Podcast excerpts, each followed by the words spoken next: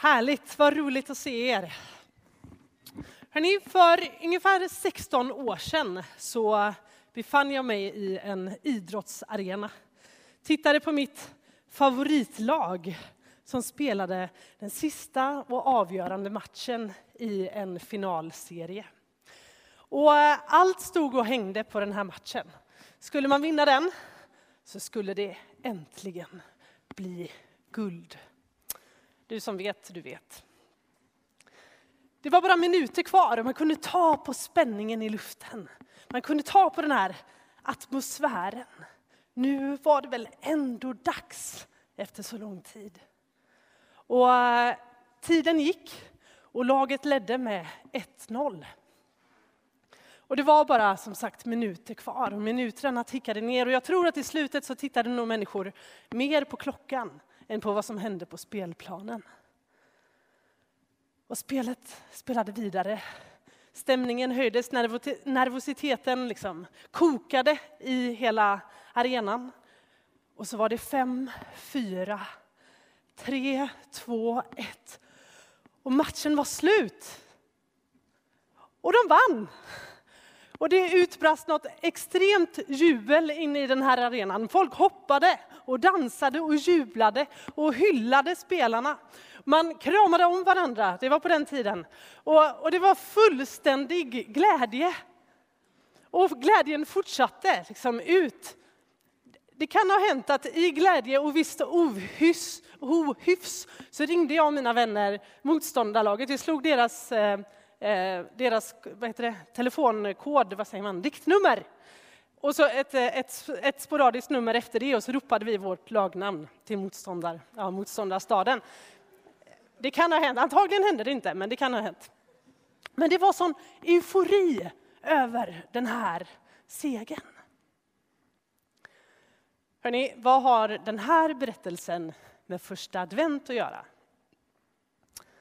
Inte så väldigt mycket egentligen. Men jag tänker mig att den glädjen, den känslan, den enorma liksom, explosionen av glädje fanns, det, det, som hände där, det var en liten smak av den glädje som fanns utanför Jerusalem den där dagen som Inger så vackert läste, när Jesus red in i staden. Men hur kommer det sig hur kommer det sig? Vem var han? Hur kommer det sig att det var sån otrolig glädje där folk kläddes, hoppade, dansade. Man skar kvistar från träden, man la ner sina mantlar som en röd matta för honom. Man gladde sig, man hyllade honom, man ropade Hosianna. Hur kommer det sig att man gjorde det till en man på en åsna? Vi, eh, vi ber tillsammans. Jesus, tack för första advent. Herre, tack för att vi får träffas här tillsammans den här söndagen och vi får fira första advent. Tack för, för glädjen, Herre, att vi får göra det här, att vi får eh, fira din ankomst, Herre. Och heligande, jag ber om att du ska fortsätta vara med oss här. Låt oss få fortsätta känna din, uppleva din närvaro tillsammans, Gud. Och kom och tala till oss. Kom och, kom och uppmuntra oss och vägled oss. Kom och låt oss få ännu mer få våra blickar fästa vid dig den här dagen. Och den här julen, den här adventstiden. I Jesu namn. Amen. Ja, hur kommer det sig att de var så glada? Ja, men det var ju faktiskt så att det var väntat. Man hade väntat på den här dagen. Man hade väntat på att just det här skulle hända. Att Jesus rider in på en åsna i Jerusalem, det var ett tecken. Folket de hade ju följt Jesus länge, sett alla under och tecken, mirakel som han hade gjort och hur han hade undervisat, allt som hade hänt. Men det här var ändå liksom pricken över i. Det finns med i texten, men i Gamla testamentet så hade profeten Sakarja profeterat. Fröjda dig stort, dotter Sion. Jubla, dotter Jerusalem, alltså Israels folk. Se, din konung kommer till dig. Rättfärdig och segerrik är han. Han kommer ödmjuk, ridande på en åsna, på en åsninnas föl. I hundratals år så hade Israels folk väntat på att Gud skulle sända en räddare, en frälsare, en Messias. De hade levt under ockupation under olika makter och härskare, och, men aldrig riktigt, i alla fall någon längre tid, fått vara sina egna. Fått ha sitt eget rike och fått leva ut det som Gud hade kallat dem att vara, hans folk. Och det fanns en längtan, det fanns en så stor längtan och passion efter att få göra det, efter att få vara det, efter att få vara fria. Så när Jesus rider in, då är det pricken över i att det är han. Nu händer det. Det som folket hade längtat efter i hundratals år, nu spelades det upp framför deras ögon. Han var den. Och de ropar Hosianna, som vi sjöng första sången här. Och Hosianna det står både för Herre rädda oss, Herre hjälp oss. För det var ju vad de behövde. Hans hjälp för att bli det som de hade blivit kallade till att vara. Men det är också en hyllning, för det är namnet på han som ska komma. Hosianna. Det var, det var han, det, det var ett hyllningsrop till honom. Så mitt och det, han hade varit deras hopp. Den här, att han skulle komma, det var deras hopp. Det hade varit så länge varit deras hopp, det de hade sett fram emot. Det som de hade gjort att de gick upp på morgnarna trots att det var riktigt tungt. Trots att de var tvungna att jobba för någon annan, ge skatt till någon annan, trots att de inte fick tillbe som de ville. Och det ena med det fjärde. Men de visste att en dag skulle Gud sända någon som skulle rädda dem. Sända någon som skulle ställa allt på ända. Och nu var de där. Jesus var svaret på det de hade hoppats på. Det, han var svaret på det de hade satt sitt hopp till. Och nu så välkomnar de honom in i Jerusalem. Psalm 24, vers 7-10 säger också detta. Höj era huvuden, ni portar. Höj er, ni eviga dörrar, så att ärans kung kan tåga in. Vem är han, ärans kung? Det är Herren, stark och väldig. Herren, väldig i strid. Höj era huvuden, ni portar. Höj er, ni eviga dörrar, så att ärans kung kan tåga in. Vem är han, ärans kung? Det är Herren Sebaot. Han är ärans kung. Jesus han rider in på vägen till Jerusalem, nerför Olivberget och in i staden med frid, med ljus, med glädje. Han kommer med liv och han kommer med hopp. Och idag tänkte jag att vi skulle tala lite grann om det hoppet. Hopp är ett lite speciellt ord. Det kan ju betyda lite olika saker, men om man tänker på, på hopp jag, jag tycker det är lite så mystiskt ord. Det är som att man känner i kroppen vad hopp betyder. Men när man väl ska sätta ord på det så tycker jag att det har varit lite svårt. Men det kanske bara är jag. Men hopp. Jag vet inte vad du tänker på när du först hör det. Men det som liksom dyker upp i mitt huvud är någonstans ljuset i tunneln. När det är mörkt men man ser att det är något ljus där framme. Det är liksom hoppet.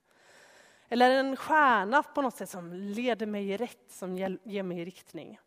Och någonstans en förväntan på något bättre. När det är tufft då behöver man hopp för att orka fortsätta, som vi var inne på. Och när man tittar på det här ordet, både i vårt språk men också det grekiska ordet som finns i Bibeln, så finns det liksom två huvudsubstanser, två delar av det här ordet. Den första handlar om en förväntan och en längtan efter att någonting speciellt ska hända.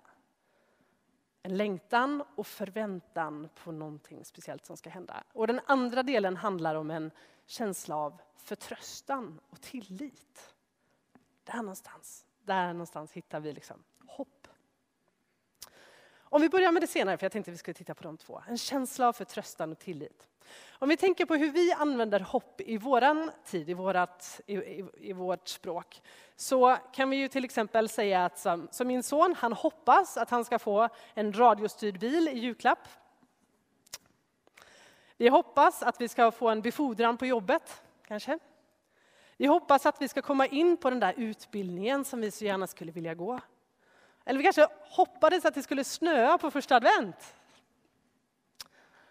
Nu gjorde du det. Men det var ju lite av en chansning skulle man kunna säga. Det var inte helt givet. Men mycket av de där sakerna är ju på ett sätt ganska ytliga, för att det är någonting vi hoppas på, men som sagt, det känns mer som en chansning än att det verkligen är någonting vi tror på.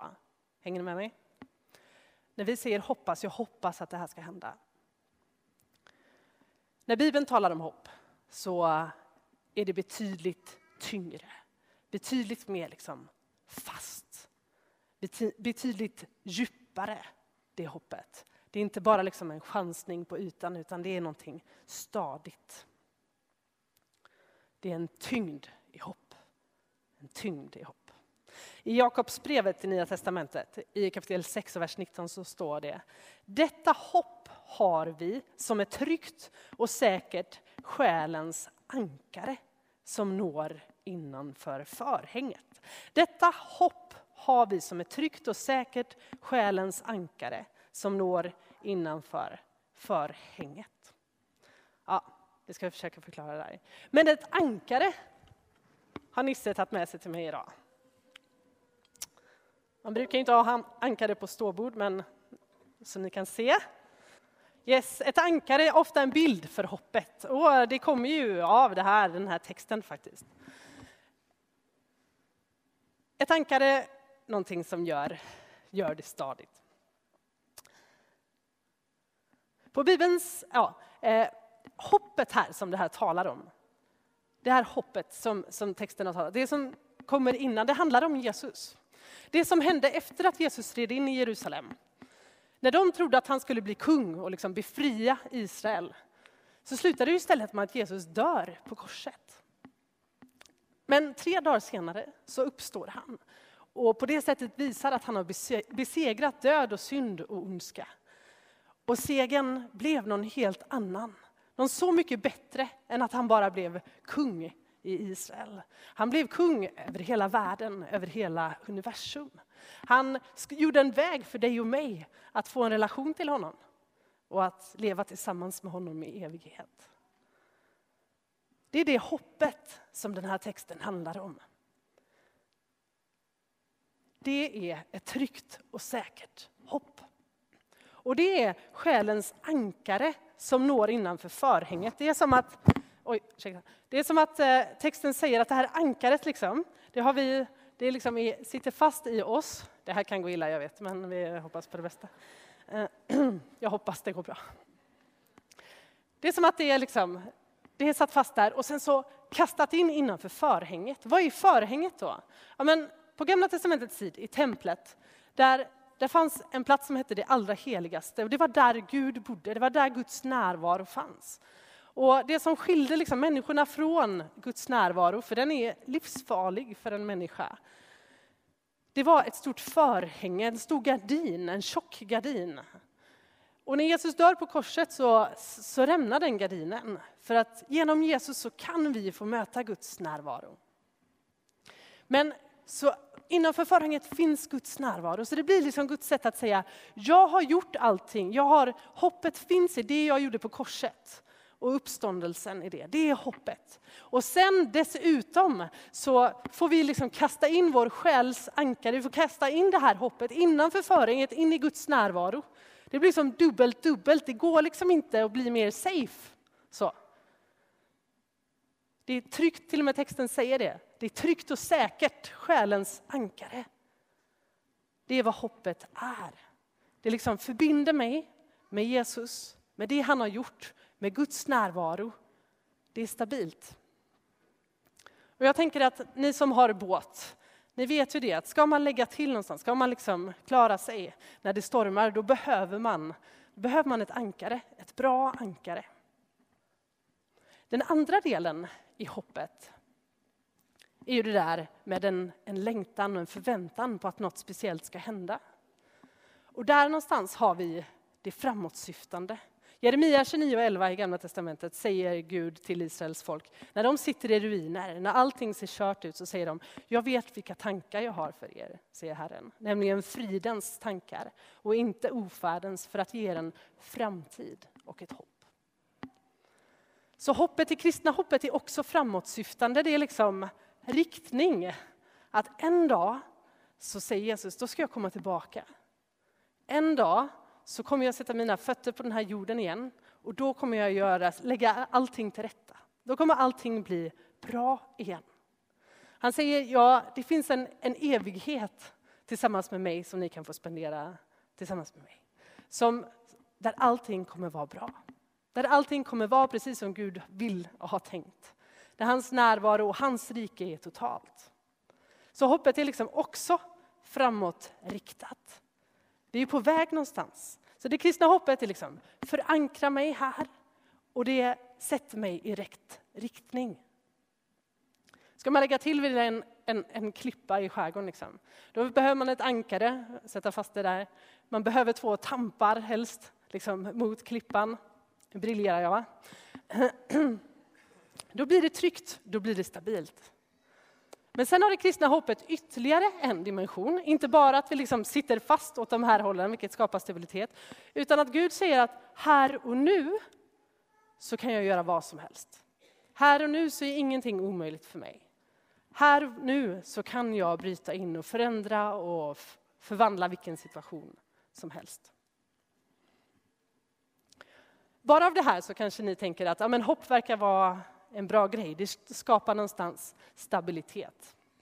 Men jag tänkte att jag ska säga någonting om varför man behöver hopp. Och för att fundera kring varför man behöver hopp så blir det nästan enklast att tänka vad händer om man inte har något hopp? Vad händer om man upplever hopplöshet eller känner sig själv som hopplös? Känsla av hopplöshet, som ofta ligger nära också meningslöshet, den, den är destruktiv. Det är inget bra för en människa. Vi är inte skapade för att uppleva hopplöshet och meningslöshet. Den här känslan sätter igång negativa spiraler i människors liv. Och antingen så kan den leda till att man, liksom, för när man inte sitter fast någonstans och man är inte på väg någonstans, då blir det ju lätt att man irrar omkring, för man vet liksom inte var man kommer ifrån och man vet inte vart man är på väg. Och antingen så kan det lätt hamna i att man bara bryr sig om det som är här och nu och bryr sig om mig själv och kanske de närmsta runt omkring mig. Vilket på något sätt också blir en negativ spiral. Man blir väldigt isolerad, det blir väldigt trångt i livet. Eller så kan det hända som, som händer många, att det blir, det blir ganska mörkt. Det blir ganska kämpigt för jag vet inte vart jag är på väg och plötsligt så, det, saker spelar ingen, ingen roll längre. Och forskning visar att Hopplöshet och meningslöshet ofta leder till ångest och depression. Det kan finnas andra anledningar till ångest och depression, absolut. Men en av de stora anledningarna till ångest och depression är faktiskt att man känner känslan av hopplöshet och meningslöshet. Så det gör oss lätt apatiska, utmattade och desillusionerade. Och hopplöshet handlar också om det där att det inte känns, det är inte bra och det går inte att förändra. Det skapar hopplöshet. Men är det inte häftigt då? Att det kristna hoppet, det Jesus kommer med, det han kommer med till oss, det han gör för oss, det är att han faktiskt ger oss liksom hopp åt alla håll. En liksom tre, ett tredimensionellt hopp. Vi sitter fast, vi är liksom rotade i det han har gjort. Vi tittar bakåt och ser det Jesus har gjort och det han har skapat för oss. När jag blev kristen för ett gäng år sedan så för att ge liksom en, en praktisk del av det, var inte, var, då fick jag den här upplevelsen av att det Jesus hade gjort för mig, eller när, när han liksom bröt in, fick tag på mitt liv, så kände jag att nu är jag hemma. Nu är det lugnt. Nu kan vad som helst hända. För nu har jag Gud och han har mig. Och då är jag trygg. Det skapar en trygghet. Jag kände mig fast ankrad i det han hade gett mig ett perspektiv, någonting som får mig att lyfta blicken. Någonting framåt. Jag vet att en dag kommer det bli bra. Jag kan stå ut, jag kan kämpa på när det är tufft. För jag vet att en dag kommer allting bli bra. En dag kommer jag få möta honom, en dag kommer jag få leva nära honom och med er i en evighet. Där han kommer torka våra tårar, där allting kommer vara som det ska, som han har tänkt. Men redan här och nu, i liksom den här positionen, här kan Gud bryta in. Ingen situation är omöjlig. Ingenting är kört. För Jesus har all makt. han har all kraft. Så grattis ni dopgrabbar här idag. Ni har fått ett hopp för evigt. Här och nu för evigt. Men Gud är med er, precis som Axel sa. Här och nu, varje dag. Om du har zonat ut lite, så kom tillbaks nu, för nu går vi mot avslutningen. Det jag har försökt säga idag, den här stunden, det är att det är, det är inte kört. För det är ganska lätt att känna hopplöshet i den värld vi lever i. Det är inte lätt, eller det är inte svårt att liksom, känna den här känslan av hopplöshet. Vi lever under ett ganska kraftfullt klimathot. Vi ser en instabilitet politiskt runt omkring i världen. Vi, eh, vi lever i en pandemi som gör framtiden ganska osäker och oviss på många sätt. Vi lever i ett land där mycket är svårt, där mycket är eh, tufft. Vi har det på ganska nära håll många gånger också. Ser hur människor lider på olika sätt. Och vi har det ganska nära oss i våra egna liv också, kanske i familjer. Och det räcker med att gå till mig själv för att jag ibland ska känna att det känns ganska hopplöst. Men det är inte kört. Det är inte kört för den här världen. Det är inte det. Det är inte kört för vårt land. Det är inte kört för Frölunda, det är inte kört för din arbetsplats, för, för din familj och det är inte kört för dig. I Matteus 4 och 16 så eh, citerar evangelisten en profet i Gamla testamentet. Det folk som sitter i mörker ska se ett stort ljus. Och för dem som bor i dödens land och skugga ska ett ljus gå upp. Det är en av mina favorithopptexter i Bibeln. Det är folk som sitter i mörker ska se ett stort ljus. Och för de som bor i dödens lands och skugga ska ett ljus gå upp. Där det är som mörkast, dit kommer Jesus med sitt ljus. Och anledningen till det ljuset är som sagt att för ungefär 2000 år sedan så red en man in i Jerusalem på en åsna. En man som drygt 30 år tidigare hade fötts som ett hjälplöst litet barn i Betlehem i Israel. En man som inte bara var människa utan som också fullt ut var Gud. Gud själv som hade valt att komma ner ifrån himlens härlighet hit till oss, till vår jord med all den brottning som finns här. Han är driven av kärlek, av medkänsla och av längtan efter att få vara nära sin mänsklighet. Att få vara nära dig och få vara nära mig. En man som några dagar efter att han hade ridit in i Jerusalem lät sig spikas upp på ett kors. Där han tog hela världens synd och dina och mina brister på sig. För att ge oss nytt liv och för att ge oss en ny framtid och nya förutsättningar. Och en kraft till möjlighet till förändring redan här och nu. Mitt i vår värld, mitt i våran tid. Men också med ett löfte att han en dag ska komma tillbaka och ställa allt till rätta. Det är vårt hopp. Och jag tänker att det är värt, det är värt lite jubel. Det är värt, jag tänker den där hockeymatchen. Jublet som bröt ut. Vi får jubla idag, för det är sant. Och det är vårt hopp. Den där dagen i Jerusalem, när de ropade sitt Hosianna. Vi får göra det idag också. Det är värt vårt jubel, det som Jesus har gjort för oss. Och du kan idag få ropa ditt Hosianna som en hyllning till honom. Som ett tack för allt han har gjort för dig och det hopp han har gett dig. Men du kan också få ropa ditt Hosianna som ett Herre hjälp mig. För att du just nu behöver hjälp. För att du just nu behöver nytt hopp i ditt liv. För vi läser texten om när Jesus rider in i Jerusalem idag. 2021 så läser vi den igen. Och 2021 så kommer Jesus till oss igen. Hit till Pingstkyrkan i Frölunda. Hit till dig, hit till ditt och mitt hjärta. Och vi kan få öppna våra hjärtas portar. Precis som Jerusalem öppnade sina portar för Jesus så kan du och jag få öppna våra, vårat, hjärtat, vårat hjärtas port för Jesus. Han vill komma till dig. Han vill bli ditt hopp. Han vill fylla dig med hopp. Ett fast förankrat hopp. Ett hopp med blick för framtiden och ett hopp med möjlighet till förändring här och nu. Kanske behöver du ta emot det idag. Kanske behöver du ta med dig det till någon i din omgivning som verkligen behöver hopp idag. Romarbrevet 15 säger, må nu hoppets Gud fylla er med all glädje och frid i tron, så att ni överflödar i hoppet genom den helige Andes kraft. Vi ber tillsammans. Jesus, vi tackar dig för att du är våran kung. Tack för att du red in i Jerusalem med förväntan att bli en stor kung.